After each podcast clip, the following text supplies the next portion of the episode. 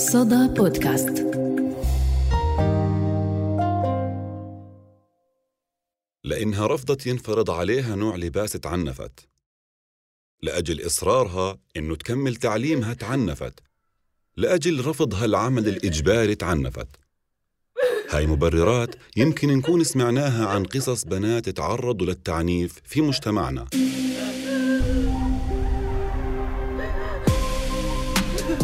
وكل قصة بتبين مدى الأسى والألم والجرح اللي بينترك في شخصية هاي الإنسانة اللي تعرضت للتعنيف.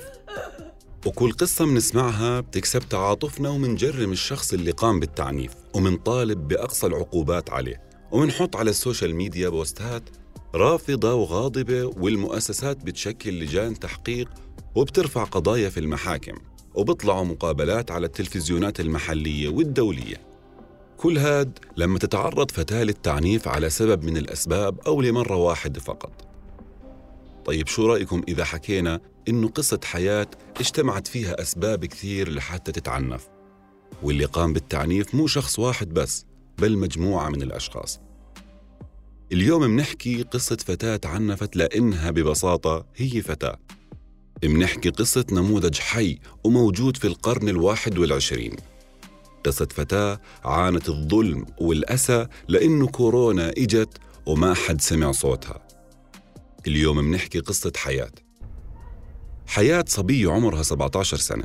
بسيطة جدا من أسرة عادية. بس طموح حياة بالحياة كان عالي مقارنة بالظروف اللي مرت فيها. مرت الأيام وعدت وحياة عايشة في خوف مستمر وقلق بحياتها لأنه ولا مرة عاشت طبيعي. وهي مع عائلتها تحت سقف واحد بوجود شبح التعنيف اللي بيهددها. قصة حياة بلشت لما عمها اعتدى عليها بالضرب دون سابق إنذار وبتحكي حياة عن هاي القصة.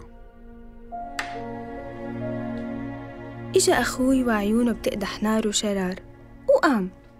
بلش أول شي ضربني بكاسات الشاي اللي كانت على الطاولة.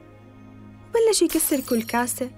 وصار الإزاز يتناثر في كل مكان لحتى ما إجت قطعة إزاز تحت عيوني وجرحت عيني ونزل دم.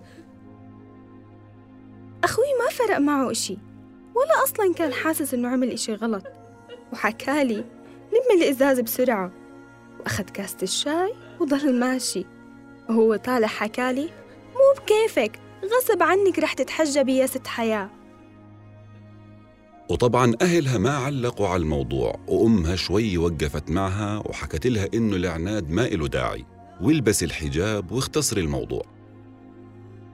طبعا هذا الموضوع أثر على حياة بشكل كبير لأنه أخوها أيضا بلش فيها ضرب وشتم وكلام بذيء بلا أي مبرر بشكل يومي. وفي يوم بحياتها بتحكي حياة إنه ما بينتسى. واللي كان في أكتوبر بسنة 2020 بهذا اليوم تعرضت للعنف مش بس من عمها وكمان من أخوها وبرضه سألت نفسها عن السبب وكان هو رفضها للبس الحجاب. طبعا الفكرة إنه الحجاب قرار شخصي ومهما كان في حوارات ونقاشات بين أخذ وعطاء بس ما بتوصل لدرجة التعنيف. خصوصا إنه يكون في شخص بدافع عن نفسه وبدها تكمل دراستها وتحقق حلمها اللي طول الوقت بتحاول تحققه. وهو حلم بسيط على فكرة بس إنه تكون جامعية. مع كورونا أهلي صار عندهم نقص مصاري. طلبوا مني أنهي الدراسة عشان أشتغل وأجيب مصاري للبيت. طبعا الشغل مش عيب بس أنا ما بدي أشتغل بالأساس. أنا بدي أدرس بدي أتعلم. وبتحكي إنه بوقت فراغها شكل التعنيف دافع إنها تضل تحفز نفسها للوصول إلى أهدافها. وكان من الطبيعي تحكي مع حالها وتحكي ليه ما تدرس وتشوف الناس وتفهم وتنور عقلها بدل الروتين القاسي والبشع اللي بتعيشه كل يوم.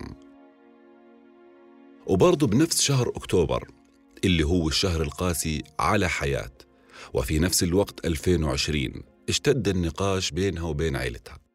بس هاي المرة قدرت حياة تدافع عن موقفها وتطالب بحقها وفي وسط هذا النقاش بتحكي حياة. بلش أخوي وهجم علي ضربني بإيده كفوف وبوكسات وما حد وقفه.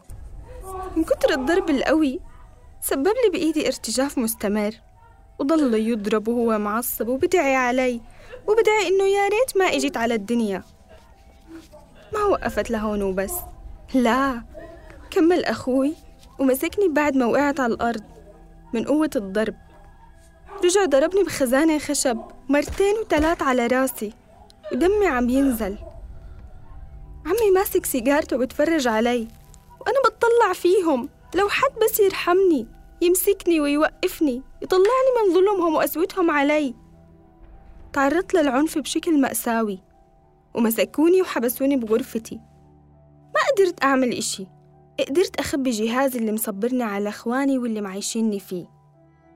من كتر ما كنت حاسة حالي مخنوقة وضايجة وبدي أي إشي أحكي أو أعمله يخفف عني همي ووجعي.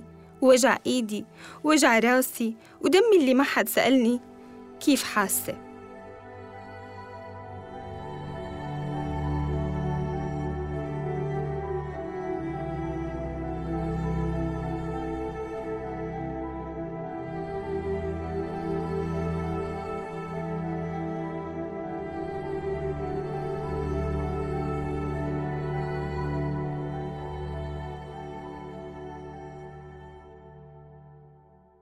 إحساس قاسي بيوصل لدرجة إنه ممكن الواحد يوقع قلبه وهو بسمع القصة. فكيف اللي بيعاني؟ وبعد كل هالضغط وعاصفة التعنيف اللي تعرضت لها حياة عملت حركة جريئة. مسكت تليفونها وكتبت منشور على الفيسبوك. كتبت إنها بتتعرض للعنف وإنها مقهورة وطلبت المساعدة من الناس ودعت إنه الله يطلعها من هالعذاب اللي هي فيه. أهلي عرفوا وهم حابسيني بالغرفة. الناس صارت ترن عليهم ويحاولوا يهدوا الوضع حتى ينقذوني من اللي دمروني. أهلي دخلوا عندي على الغرفة هددوني بالقتل. وانضربت وكملوا علي. وزيادة عليهم من رجال العيلة اللي هم أصلا مش رجال. وعن جد يا أسفي عليهم. والله بعتذر خسارة فيهم أحكي عنهم رجال. واحد من عمامي طفى السيجارة بجبيني سحبوا مني الموبايل وطرقوه بالأرض ومسكني من إيدي. رفضت أمسح المنشور وقلت لهم ما رح أمسحه ورح تشوفوا ورح أفضحكم قدام الناس وأصرخ بصوتي وأقول لا تضربوني. في هذا الوقت إجا واحد نعمامي عمل فيها الشخص الحنون. أخذني على بيته عند أولاده وأنا حكيت الحمد لله في حد حن علي. طلب مني أفتح لايف على صفحتي وأحكي إنه ما حد ضربني وإنه تصالحنا وانتهت القصة بشكل ودي. وإنها كانت لحظة غضب ومشاكل عائلية ومن هالحكي. وأنا وقتها كنت خايفة أموت. وافقت فتحت live الناس صارت تسب علي وتكذبني ويعلقوا علي ويشتموني إنه إحنا فاضيين لك ومن هالحكي. حياة حظها كان منيح. لأنه حماية الأسرة في هذا الوقت كان واصلها خبر واتبعت موقع بيت حياة عن طريق ال live. وأخذوها عندهم بس حياة بتحكي إنه حماية الأسرة ما كانت بالمستوى المطلوب وما حست إنه رح يتم إنقاذها بهذا الشكل. والمساعدة كانت عبارة عن تعهد إنه ما حدا يتعرض لحياة مرة تانية من أي شخص من أهلها. واقترح عليها تعيش في ملجأ عندهم وهم بيهتموا فيها. بس حياة رفضت الفكرة كلياً. ورجعت هديت الأمور بعد التعهد وعمها ما عاد يتعرض لها بعد هاي القصة. أبوها صار يعملها قيمة بالرغم إنه وين كان قبل هيك.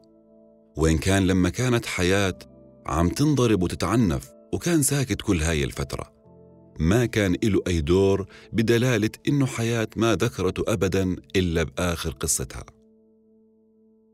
أنا تغيرت اليوم كلياً وصرت إنسانة جديدة. وأقدر ذاتي بزيادة وأهتم بحالي بدون ما أفكر بالسلبيات اللي رح تجيني. وأشتغل على حالي كرمال أعمل لنفسي مستقبل جميل. بعيداً عن هاي العيلة والفكر الذكوري اللي كل الناس وقفت ضدي وما حد رحمني وبدون ما يسمعوني أو حتى أبرر لهم أنا شو صار فيني. وبحالتي السيئة والدنيا كلها ضدي ولونها أسود بعيوني والمجتمع ما رحمني. علاقتي مع اللي حوالي. خسرتها. وخسرت كتير. بس كسبت حالي. وأنا الوحيدة اللي وقفت مع حالي. وقاومت كل الذل والقهر والعنف اللي روحي كانت رح تطلع منه. أنا بدي من كل الصبايا يتعلموا يتجاوزوا ويوقفوا في وجه الظلم والعنف ويكون إلهم الحق. وما تسكتي. وأحكي. وكوني قوية. وكوني قد حالك. حاولي قد ما صار إنك تكوني واقفة مع حالك وإلك كلمتك وكيانك حتى لو حياتك تحت رحمة أبوكي أو أخوكي أو حتى عمامك. لأنه أنت اللي رح تحسي بالألم والجرح وكسر الخاطر منهم. وهم أقرب الناس أذوني ما وقفوا معي لحتى أوصل لحلمي. حاليا حياة إنسانة بتحاول تتعافى من الجروح اللي سببتها العائلة. هي بطلت تنضرب. بس لسه آثار العنف النفسي موجود. كثير قصة حياة مزعجة وبتبكي. بس نفس الوقت كم بتعلمنا إنه كورونا أو الأهل أو الزواج أو أي ظرف لازم ما تخلينا نستسلم للصور النمطية إنه المرأة ضعيفة أو إنه الرجل وصي عليها أو إنها عالة وغير قادرة على إنها تكون شريكة وفعالة بالمجتمع. بطلة قصتنا اسمها حياة وهون بنسأل حياة لمن تنادي؟